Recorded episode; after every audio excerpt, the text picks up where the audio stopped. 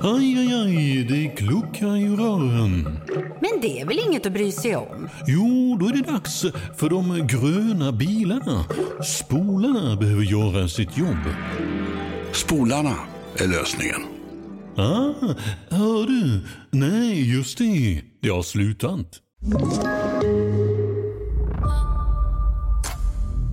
I april 2016 skakas poliserna i norr av ett groteskt mordförsök när en kvinna förgiftar sin man. Motivet? Att se honom dö. Här pratar vi då om förgiftningar av olika slag och det är ovanligt. Lyssna på hela avsnittet Giftgåtan i Piteå i podden Fallen jag aldrig glömmer i Podplay-appen.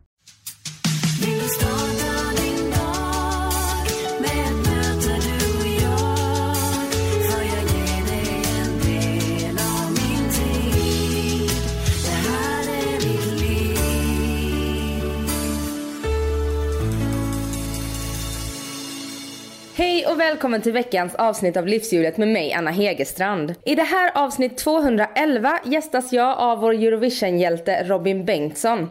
Ja, han kom ju femma när han tävlade med sitt bidrag I Can't Go On i Kiev för några veckor sedan. Robin och jag pratar om hans ångest inför att hitta en riktigt bra låt nu till att följa upp sina två tidigare succélåtar med.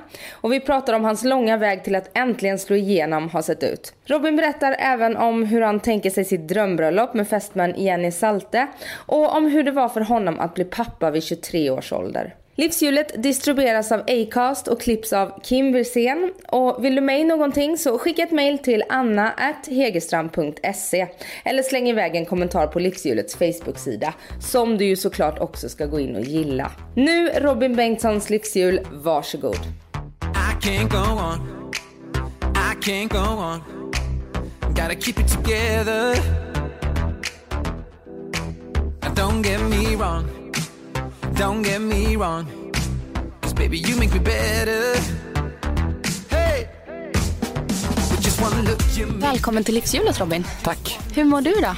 Jag mår jättebra. Jag har lite träningsverk i benen. Aha. Jag var och, och, eh, på utegymmet nedanför oss eh, igår kväll och så är det värsta långa uppförsbacken hem som jag inte tänkte på så jag var Mm. helt slut när jag hade tränat färdigt och så skulle jag cykla hem.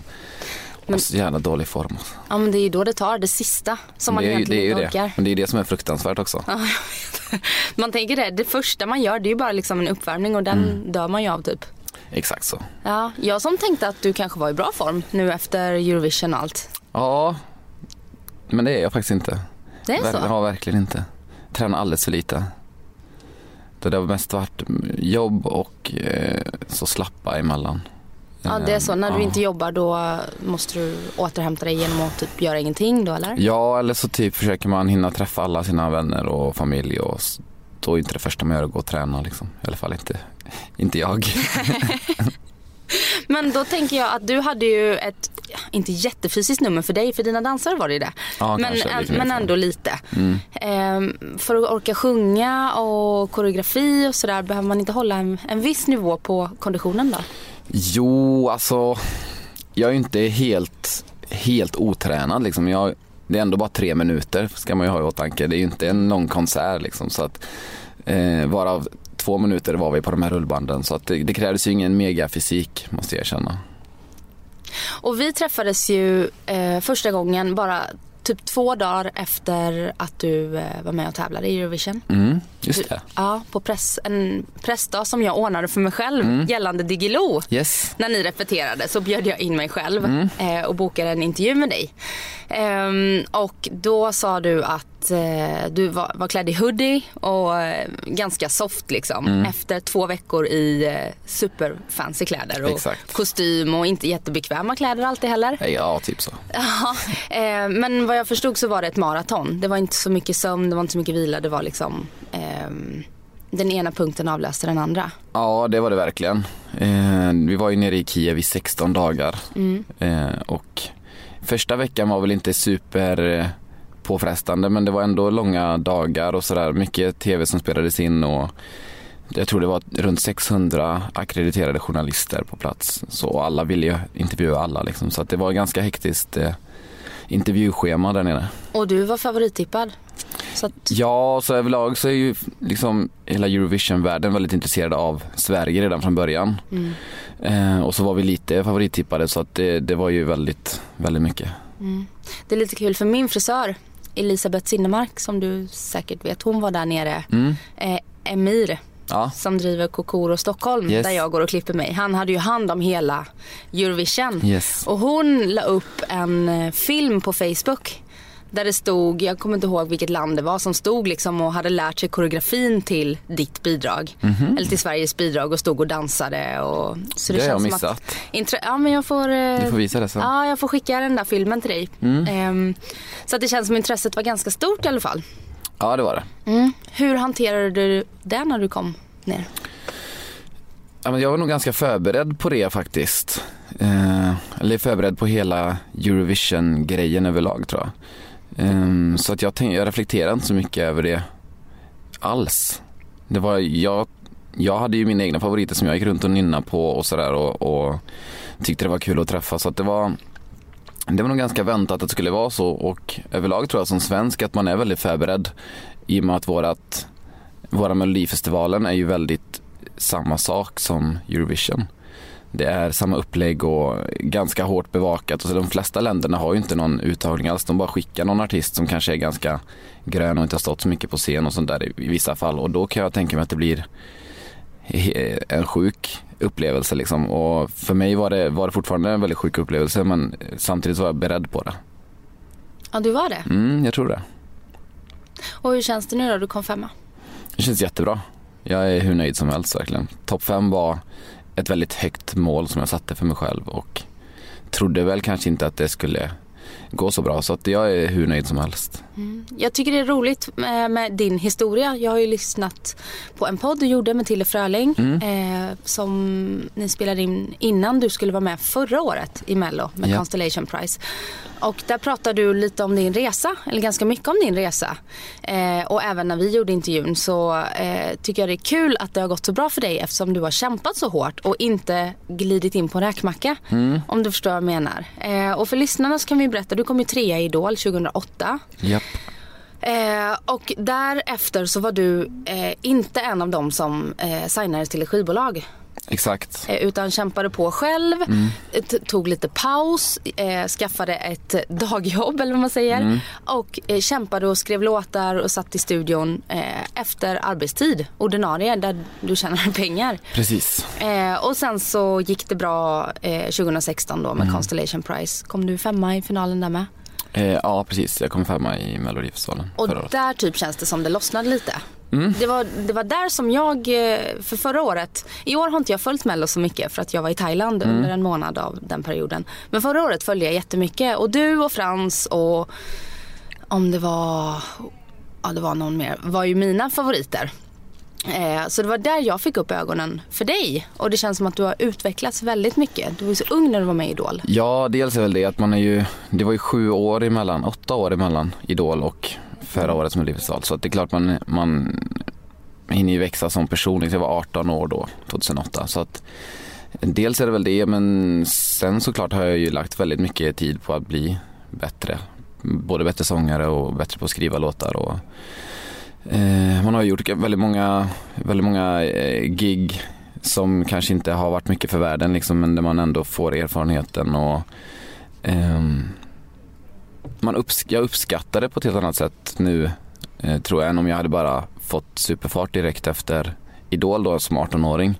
Då tror jag det hade varit mycket lättare att få eh, lite hybris liksom. Eh, så nu vet jag vad som, jag har nästan gått liksom tillbaka från början. Från att jag gled ju ändå in på en räkmacka måste man ju säga i Idol. Mm. Och för det var det väldigt eh, liksom sjåsat och, och eh, hög bevakning och väldigt många som kände igen en och så. Och så sen gå tillbaka till ruta ett och gå den långa vägen liksom. Så att det var det var väldigt, eh, det är en skön resa att ha gjort på något sätt. Mm, men som du inte vill göra igen. Eh, nej men det vill jag nog inte. Nej. Så du, så du känner ändå inte att du har förlorat några år på att det inte tog fart direkt utan du är snarare glad att du fick växa in i dig själv och som artist? Ja, eh, så känns det faktiskt. Sen ska vi inte glömma bort att du är 27 år gammal. Så Nej. du är ju inte speciellt gammal. Nej precis, jag var ju väldigt ung då. Så att eh, jag tror det var, var jättenyttigt för mig som person. Sen vet jag inte vart, om det hade tagit fart redan då, vart man hade varit i karriären nu liksom. Men för mig som person tror jag att det var jättebra. Mm. Vart siktar du nu då? Eh, men nu har jag ändå fått lite nya mål känner jag i och med att det gick så bra och att, man, att jag placerades så högt i, i Eurovision. Så nu är ju målet att få komma ut och spela lite i Europa. Eh, och ha ganska bra streamingsiffror och så i Spanien bland annat. Så där, där försöker jag styra upp lite gig nu, ett i Madrid och ett i Barcelona. Så får vi se om det säljs några biljetter. Men eh, kul att testa liksom. Mm. Det förstår jag. Mm. Så att slå internationellt. Ja, det hade ju varit jätteroligt såklart. Ehm, Men eh, jag har hela, hela sommaren fullbokad här i Sverige nu så att det är ändå ehm, fokus här i Sverige först och främst. Mm. Och bland annat då ska du ut på Diggiloo-turnén. Ja, precis. Mm. Och du sa till mig att din drömsommar var att få åka ut och turnera och att det här är första sommaren som du får åka ut och turnera. Mm. Jo, men det är första riktiga turnén om man säger så. Jag har inte varit på någon så här uppstyrd turné förut. Utan det är med att man har haft eh, fem gig och kallat det för turné. Eh, så, För sig själv, Exakt. för att orka kämpa vidare. Precis. Eh, så um, nej, det ska bli väldigt, väldigt roligt och ett jättehärligt gäng, hela Diggiloo-gänget liksom. Och vi har 22 stopp i Sverige planerade så att det ska bli fantastiskt kul. Mm. Och det här är ett litet mål som, eh, som du nu har kommit i land. Mm. Vad, vad, hur, hur tänker du? Har du sätter upp nya mål då? Och, Ja. Eller är du, nöjer du dig och känner att fan vad kul det här är? Eller känner du att Nej, men nu måste jag vidare hit? Är du en person som kan vila i det? Att du har upp, uppnått ditt mål? Nej, jag, jag gör nog inte det. Eh, det. Det är så himla konstigt. Man, hur man bara höjer blicken så fort man kommer fram dit man...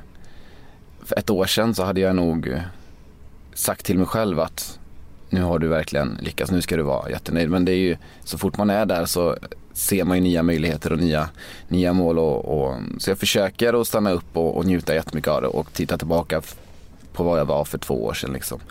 Och hur mycket den personen verkligen hade uppskattat det som jag har nu. Ehm, och det tror jag att jag är ganska bra på att göra. Jämför du dig med andra artister eh, som eh, utåt sett man kanske skulle kunna jämföra dig med? Förstår du vad jag menar? Mm, ja, jag tror jag jämför ganska, ganska mycket på ett, eh, på ett bra sätt eller på ett sunt sätt. Liksom. Jag gillar att titta på hur andra gör och vad de gör bra och hur man skulle kunna liksom, implementera det i sin egen karriär. Liksom. Och, eh, har aldrig någonsin känt någon slags avundsjuka eller, eller så när det har gått bra för andra. Nej, du har inte det? Nej. Um, därför att jag vet ju alla som har den här drömmen som jag delar med dem, liksom, alla kämpar lika hårt. Liksom. Och så när det väl släpper för någon så ska man ju vara den första och stå längst fram och klappa händerna tycker jag. För att det hade man ju velat att de gjorde när det går bra för mig. Liksom. Så att eh, jag har alltid tyckt det har varit kul att se det är också en väldigt liten bransch, man känner ju de flesta och eh, de är ju ens vänner liksom så att det, man måste ju glädjas när det går bra för, för andra. Mm. Upplever du att folk gläds för att det går bra för dig? Generellt? Ja, det tycker jag verkligen. Ingen avundsjuka? Nej, inte vad jag har känt, känt av. Jag tror inte heller att om det nå- någon skulle vara det, att de skulle inte säga det. Liksom. Så att jag, jag, jag har inte känt något sånt Nej. faktiskt. Och du är ju född och uppvuxen i Svenljunga. Mm. Och för eh, de lyssnare som inte vet var Svenljunga ligger så ligger det utanför Borås. Ett par mil utanför Borås va? Mm. Mm. Det stämmer, det ligger tre mil från Borås ungefär. Ja. Så du var liksom inne och festade i Borås då när du... Ja, jo det var jag väl. Jag har inte varit där så jättemycket faktiskt. Jag, I och med att jag var, precis när jag fyllde 18 så, så började hela idolsvängen och sen Mm. så var jag ute ganska mycket och spelade ändå. När jag var där 19-20. Och sen eh, så gick jag väl ganska lite ut på krogen tror jag. Eh, Sen när jag var i 20-årsåldern så satt jag mest och hemma och försökte skriva låtar och eh, sen flyttade jag upp till Stockholm 2012 så att jag har inte varit ute jättemycket i Borås och inte i Göteborg heller utan det, jag känner mig nästan mer hemma i, i Stockholm faktiskt än, än både Borås och Göteborg. Är du ute mycket i Stockholm nu? Nej, inte så mycket nu heller. Jag var det för några år sedan men jag tror jag har varit ute en gång eller två gånger i år. Oj! Ja. Så det är inte så mycket. Ja, skulle du säga att du är eh, mogen för din ålder? Ja, kanske ibland. Och eh, samtidigt, samtidigt inte. Alltså det beror lite på vad man jämför med. Jag har ju kanske, om jag, om jag tittar på dem i min ålder som är i samma bransch som mig så har jag nog inte riktigt samma liv kanske. Ehm, men om jag tittar på mina kompisar ifrån, ifrån Svenljunga så, så är jag nog kanske inte sådär jättemogen. Jag vet inte. Det är, det är en svår fråga. Vad är mogen liksom? Ja, precis. Det får du definiera. Ja. Nej, men jag tänker, jag tänker det när jag, och det tänkte jag redan första gången jag pratade med dig, så känns du otroligt liksom mogen. Eh, jag är ju åtta år äldre än dig. Mm. Och eh, eh, när jag var 27 så levde jag ju livets glada dagar i Stockholm. Jag hade inte barn, jag hade ingen relation. Jag eh, jobbade som journalist, absolut. Men eh, eh, om man ska säga i karriären hade jag väl inte kommit lika långt som du har kommit. Det känns som att du har gjort allting mycket fortare än vad jag har gjort. Sen är ju inte jag normen heller. Nej, men eh, ibland så, ja, jag vet inte vad det beror på faktiskt. Jag eh, känner, jo men jag känner mig nog ganska mogen för min ålder ändå, det tror jag.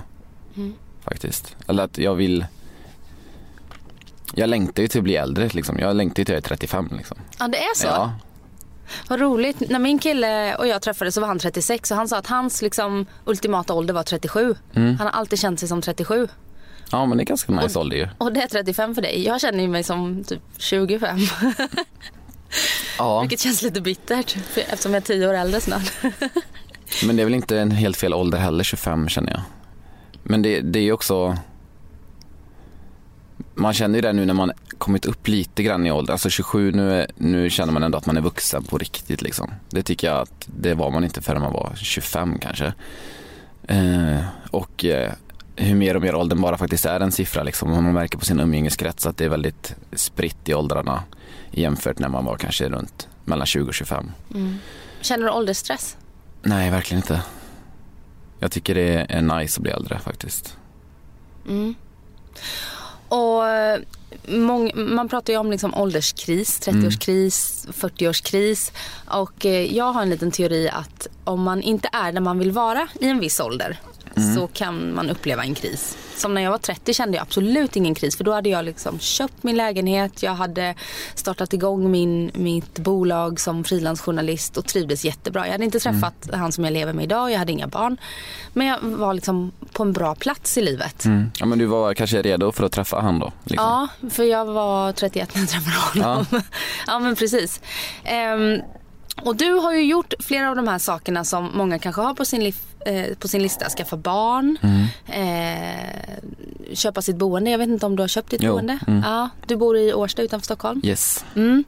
Du är förlovad Mm. eh, och ni ska gifta er, eller? Ja, det är väl tanken. Det är tanken, Ja. men det är inget planerat. Nej, inga, inget datum liksom. Nej, och karriären rullar på bra. Mm. Så att, eh, vad tänker du om det? Tänker du att ja, men jag är verkligen på en bra plats? Ja, det känner jag absolut att jag är på en bra plats. Eh, men jag har liksom alltid haft en förmåga att känna att jag är på en bra plats. Eller alltid haft en nästan eh, lite tunnelseende så. Alltså alltid inbillat mig själv att jag har varit på en bra plats. Eh, och hade du frågat mig för två och ett halvt år sedan så hade jag känt samma sak då. Eh, men jag känner ju samtidigt så här att ja, men nu är jag här och nu vill jag vidare till någonting. Jag är en väldigt rastlös själ liksom. Ehm, så jag ändå, även om jag alltid tycker att jag har det bra och ser till att jag har, är nöjd med min situation i livet så har jag ändå alltid blicken längre fram mot något annat. Så jag är ändå ganska svårt att vara i nuet. Ja, det är så. Ja, Det tror jag många har generellt. ja. Och karriären då? Det är klart att du vill jobba ännu mer och, och drömmer om att Mm. kanske slå internationellt. Privat, vart vill du där då? Ehm, ja men privat så känner jag mig väldigt nöjd med livet liksom. Måste jag säga.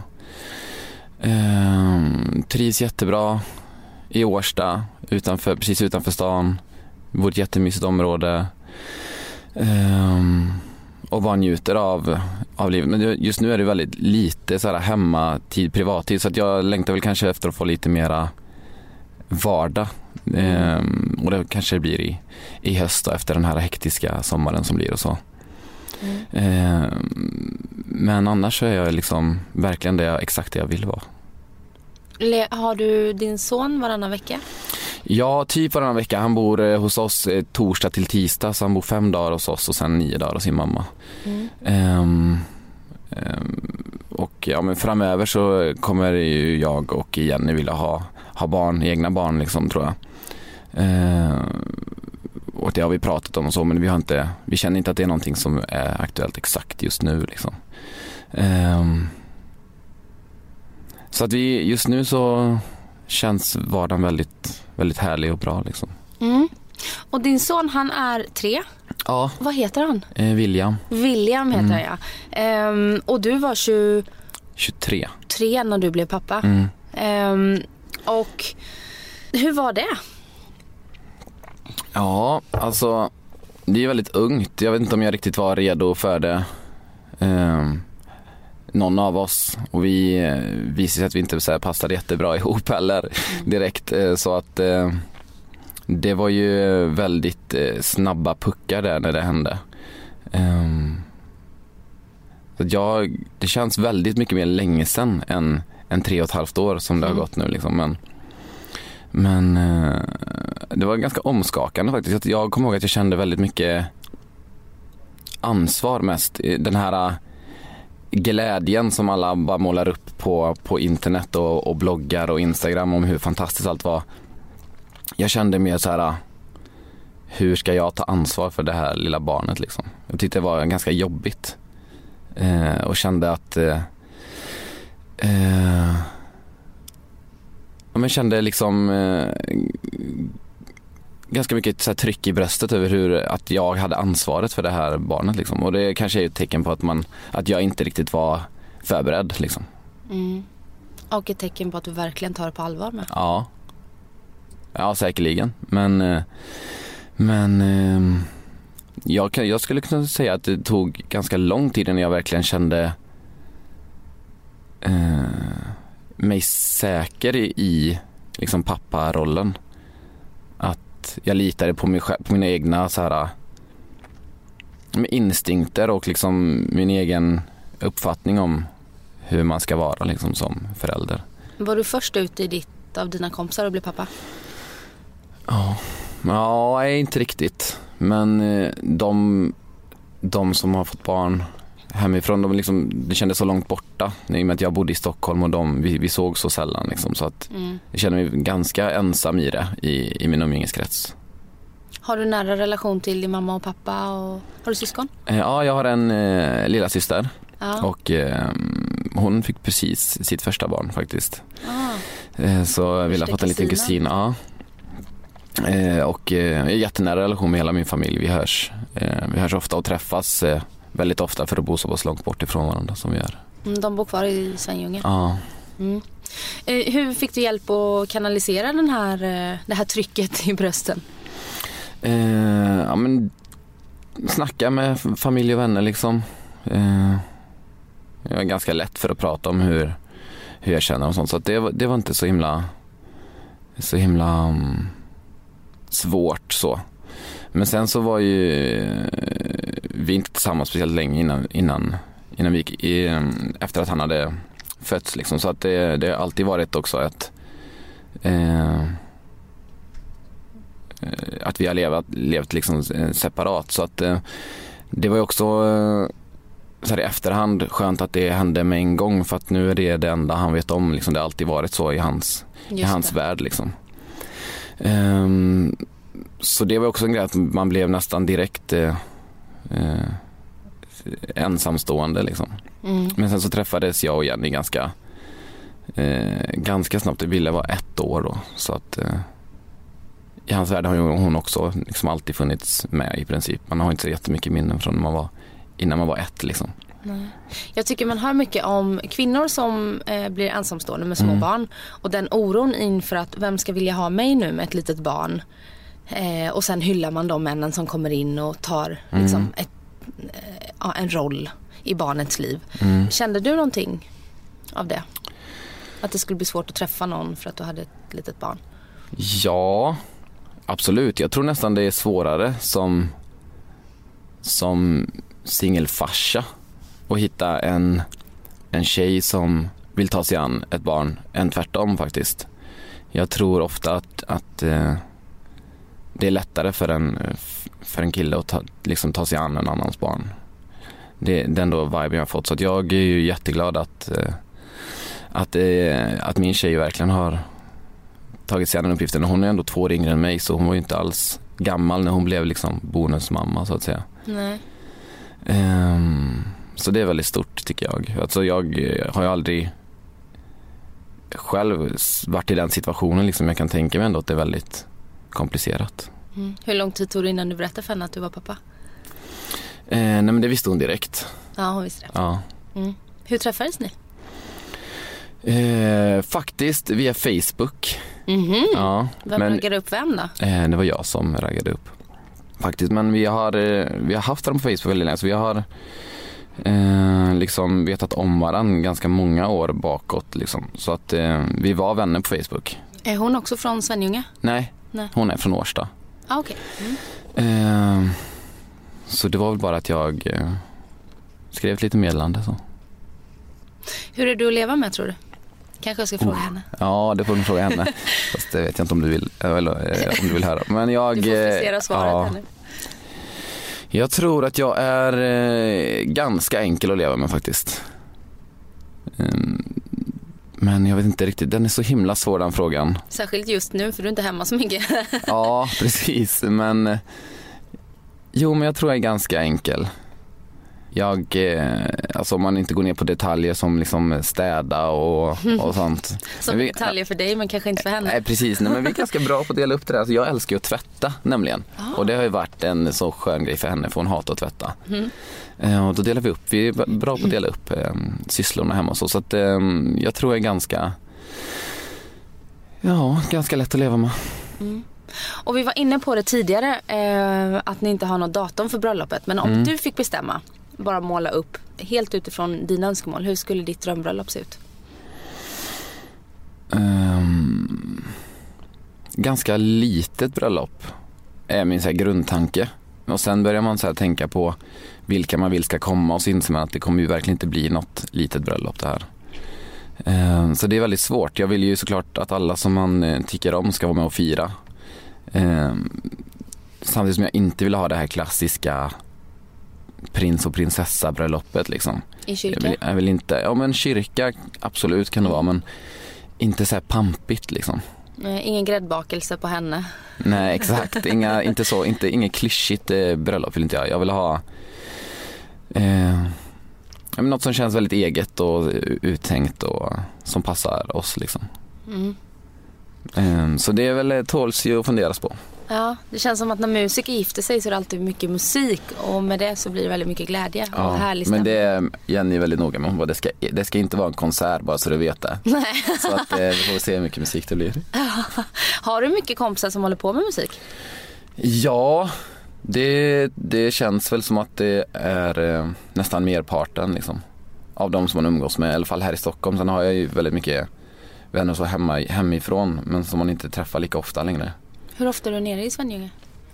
Jag försöker vara ganska ofta, så om, jag har gig och så i, i, närheten att jag svänger förbi och, och sover hemma hos mamma och pappa istället för att sova själv på ett hotell liksom, i Borås.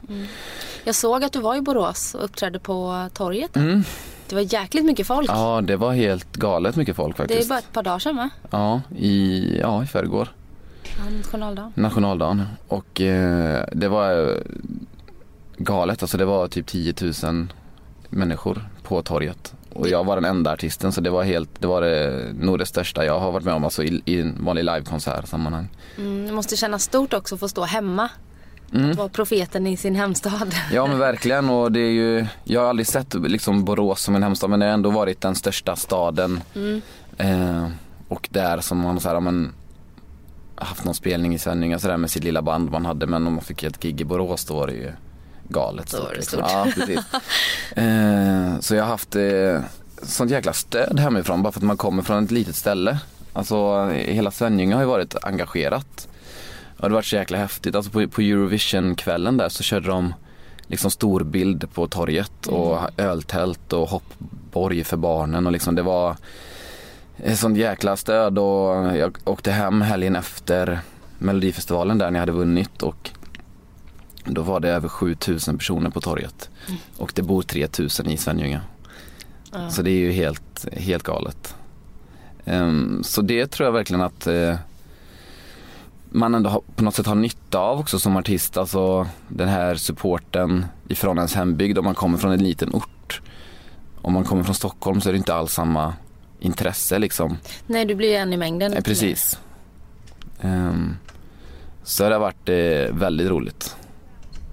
Att känna det liksom stödet hemifrån. Ja. Får jag fråga, 2008, det här är bara en liten parentes. Mm. Nej, det var 2007. Jag har en kompis som var med i Idol. Eh, Daniel Karlsson, The Mm. Bonker. Men det var 2007 va? Han var inte med med dig. Nej, han var inte med mig. Nej. Jag har spelat in en låt med honom faktiskt. Har du det? Ja. Jag och Daniel och Karl Martindal gjorde en låt tillsammans eh, efter katastrofen där på Haiti. Nej, ja, för Kalle Martindal är ju min närmsta, en av mina närmsta vänner. Jaha, vad kul. Ja. Och hans eh, sambo Anna. Ja, så vi gjorde en låt som heter Wake Up World som vi eh, släppte och så gick alla intäkter till Haiti. Det kommer jag ihåg. Var Ja. du med i Ja, den? jag var ja, med det där. var ni tre. Hur, hur hamnade du med i den konstellationen då? Jag vet inte riktigt faktiskt. Det var det här bolaget som, som släppte låten hörde av sig och, och frågade om jag ville vara med på det. Och, ehm, Jag ja, jag bodde hemma i in- Svenljunga och så kommer jag ihåg att jag, åkte, liksom, jag slängde mig i bilen och körde upp till Stockholm samma kväll. Så spelade vi in det dagen efter och dagen efter det så körde vi den i Nyhetsmorgon. Nyhetsmorgon Ja. Mm. Ja, vad roligt. Ja, det var jättekul. Liten värld. Mm. Ja, Daniel bor ju i Göteborg nu. Mhm. Och Kalle bor i Jönköping. På tal om vad, han är ju är ju också så här, Jönköping är ju större än Svenljunga. Mm. Men han är ju mycket mer känd i Jönköping än vad han var när han bodde i Stockholm. Ja, det men går precis ju det blir bättre så. för honom nu när han är där hemma. Mm. Hur eh, tänker du? Vill du flytta tillbaka hem till Svenljunga någon gång? Eller kommer ni bli kvar här? Nej, jag tror, jag vet inte. Inte som det känns nu i alla fall. Ehm, det finns inga planer på det. Alltså jag trivs väldigt bra här uppe nu. Det tog ändå väldigt lång tid för mig att trivas, måste jag säga, här uppe i Stockholm. Men nu trivs jag väldigt bra. Mm.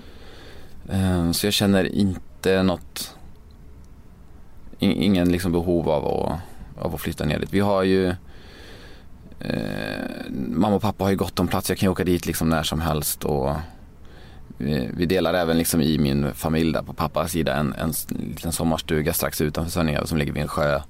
Där man i princip kan åka mm, dit när man vill.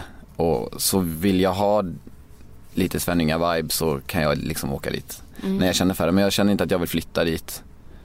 Faktiskt. Och kanske inte din eh, fästmö heller Nej. som kommer från Årsta. Nej, det tror jag definitivt inte. Det är nog svårt att vill. flytta till en så pass liten Mm. ort ändå när man kommer från Stockholm. Ja, det tror jag. Ehm, I intervjun som du gjorde med Tille Fröling Mm. så pratade ni lite om hur musiker tjänar sina pengar. Och då frågade hon dig eh, och då sa du då att nej men det tänker jag ta reda på nu. Mm. Då undrar jag om du har fått reda på hur musiker tjänar sina pengar. Ja, det har jag väl eh, definitivt fått. Ehm, så förra året var ju det första året i min karriär som jag kunde leva liksom 100% på bara vara artist. Så nu har jag väl eh, koll på det, känner jag. Ehm, Är det spelningar som ni trodde? ja, det är det. I största, största delen av inkomsten kommer ju från, från spelningar. Vad är det för pengar förknippat med Eurovision? Får du, extra, får du mycket betalt för att vara med i Eurovision eller är det bara ett rent PR-fönster för dig? Ehm, Jag kan väl, alltså det beror ju på om du slår ut det på vad det ger mig karriärsmässigt men själva deltagandet har väl i princip kostat mig pengar. Ja, det är så. Ja. Då kostar det dig personligen pengar eller skivbolaget? Eh, både och. Ja, okej. Mm. Ehm, Men du, det som du lever på nu för att det gick så bra eh, ger ju tillbaka det. Ja precis, det är det är det man får räkna med. Men, eh, Och vad är det för kostnader då? Är det nej, kläder men alltså och dels sånt? de här, ja men dels det. Eh, dels kläder och dels eh, de här rullbanden liksom som vi har byggt. Eh, var väldigt dyra. Mm. Så att eh, där har jag och eh, skivbolaget delat på den kostnaden liksom. Eh, för, För göra en du gemensam sa att satsning. jag vill absolut ha med rullbanden. Det var Ja, eller jag du trodde så mycket på den idén och jag ville göra någonting inför Melodifestivalen som verkligen stack ut och som, som jag trodde skulle kunna bli ett vinnarnummer liksom. Då tänker jag på de här eh, eh, Måns som hade så animerade gubbar och grejer. Ja. Det måste varit svindyrt. Mm. Och sen så till skillnad från när någon står och har typ en fläkt och Mm. sjunger en ballad. Som ett jättebilligt nummer. Ja, och sen för det får man ju, alltså vill du ha ett extraordinärt nummer då får du ju pynta det liksom för att SVT har ju samma budget för alla artister. Alltså du, det spelar ingen roll om du sjunger en ballad eller om du vill göra värsta shownumret. Nej. Så får alla hjälp lika mycket liksom. Och sen vill du ha någonting utöver det så får man ju fixa det själv liksom. Eh, vilket såklart är super fair. Eh, och därför känns det ju såklart extra skönt nu att den satsningen verkligen lyckades som jag gjorde. Mm. Men eh, ja, det har kostat att vara med där och inte, inte gett några pengar. Nej. Och, men tjänar du några pengar nu då? Skulle du säga att du tjänar eh, så att du eh, är nöjd på musiken? Ja, det tycker jag absolut. Ehm, nu har jag ju så jag kan ta ut en lön som jag är nöjd med liksom. Vad tar du ut i lön? Um, alltså faktiskt inte så himla mycket. Jag eh, har skjutit lite på att starta mitt eh, aktiebolag så jag har inte ens fått igång det riktigt än. Så att eh, eh, i år har jag nog inte tagit ut så mycket lön alls än så länge. Nej. Enskild firma och aktiebolag är ju lite... Det är lite skillnad. Mm. Eh, så att eh, ja, i år kanske jag har tagit ut sådär 20 20 000 efter skatt. Liksom. Det är så roligt för att jag brukar sällan fråga vad folk tjänar. Eh, dels så är jag lite obekväm att ställa den frågan och sen så blir alla så obekväma. Och det är så kul för jag såg direkt när jag frågade så kom det ett litet så här nervöst leende Ja.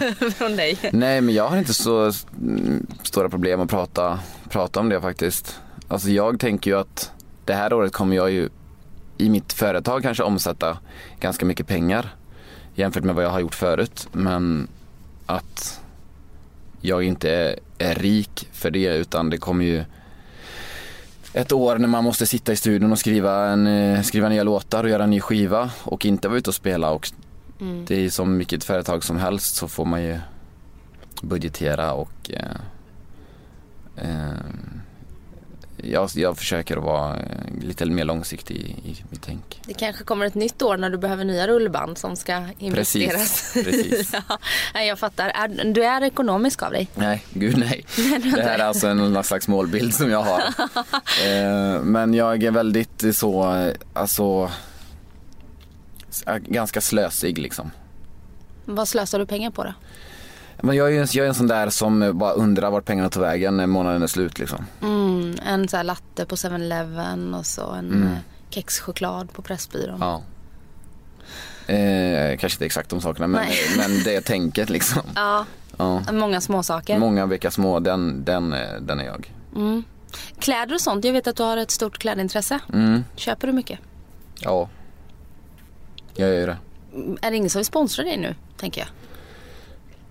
Om det är någon som jag fick lyssnar. låna jag har ganska mycket kläder eh, in, inför Eurovision liksom.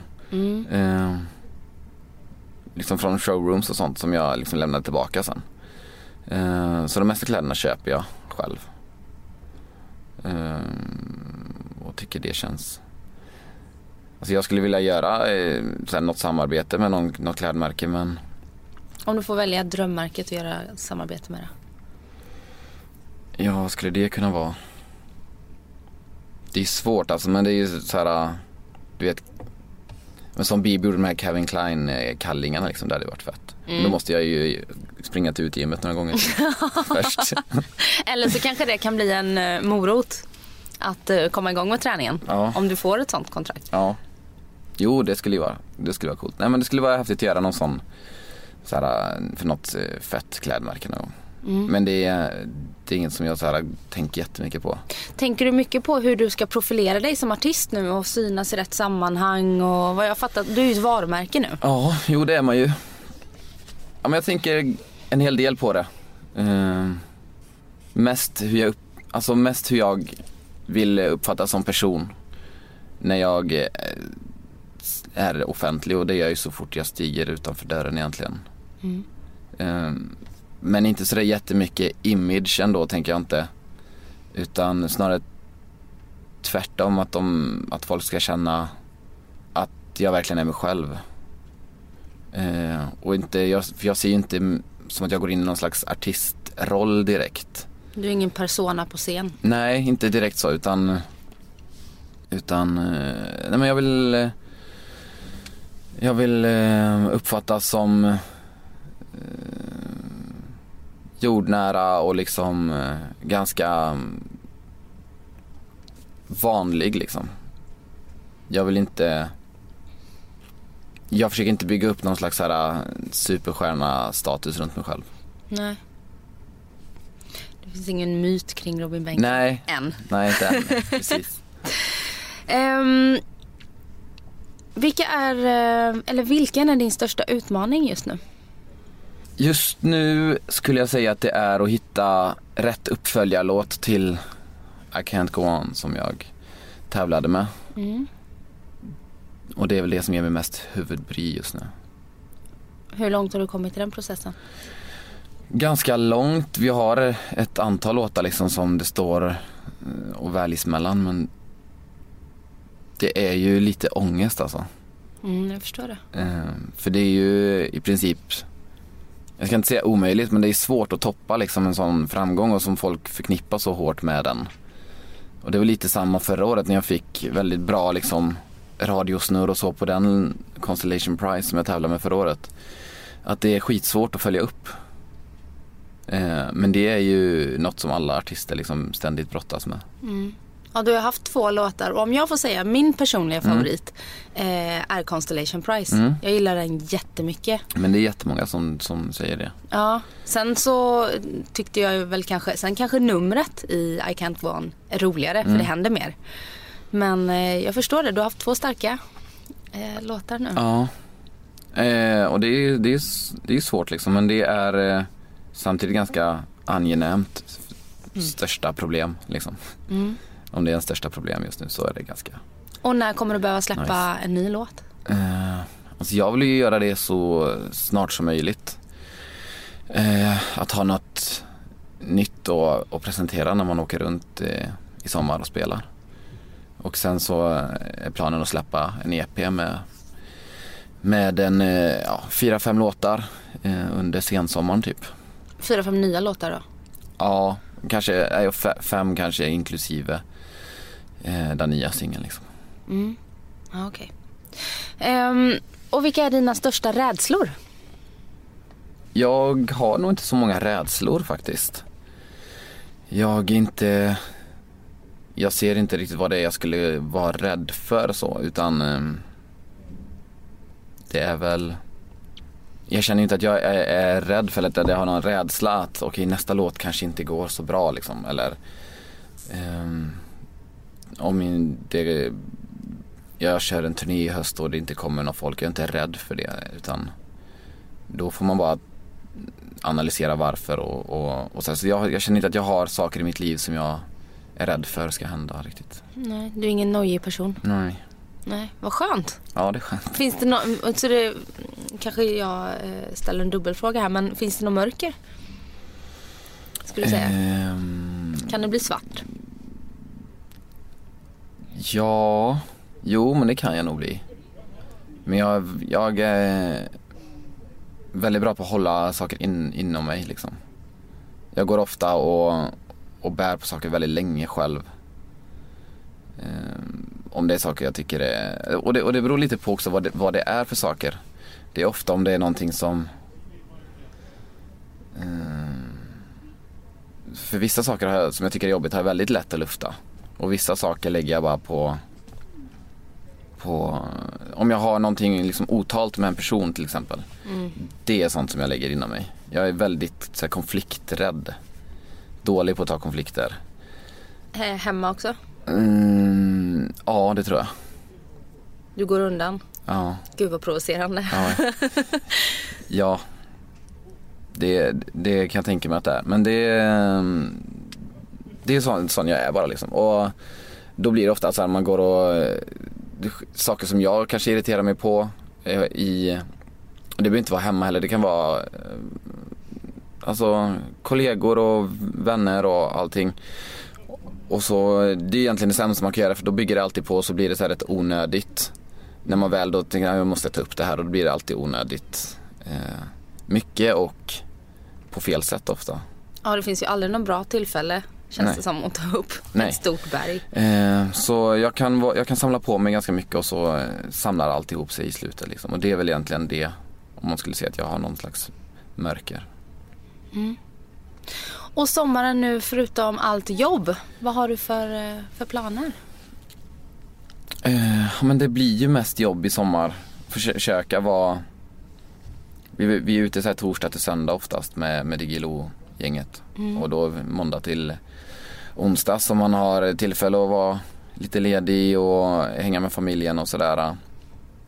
Även om de kommer hänga med lite på Digilo och sådär också.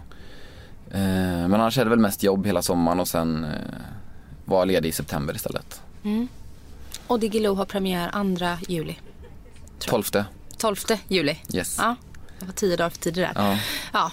Eh, och Robin, tack snälla för att du kom och gästade mig. Tack för och att jag fick komma hit. Lycka till nu med allting och med nya singeln. Tack så Det mycket. ska bli spännande att höra vilken det blir. Ja, Ha det bra nu. detsamma. Hej. Hej. Listen, I should have told you long ago that you glisten.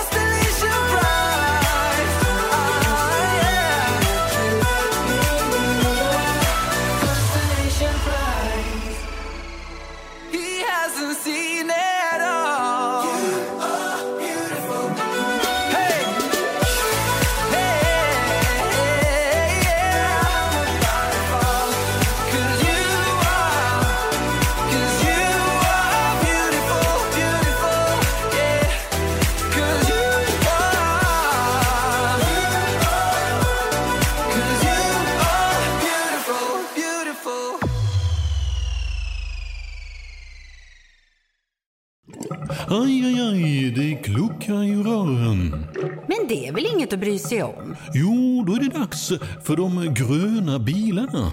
Spolarna behöver göra sitt jobb. Spolarna är lösningen. Ah, hör du? Nej, just det. Det har slutat.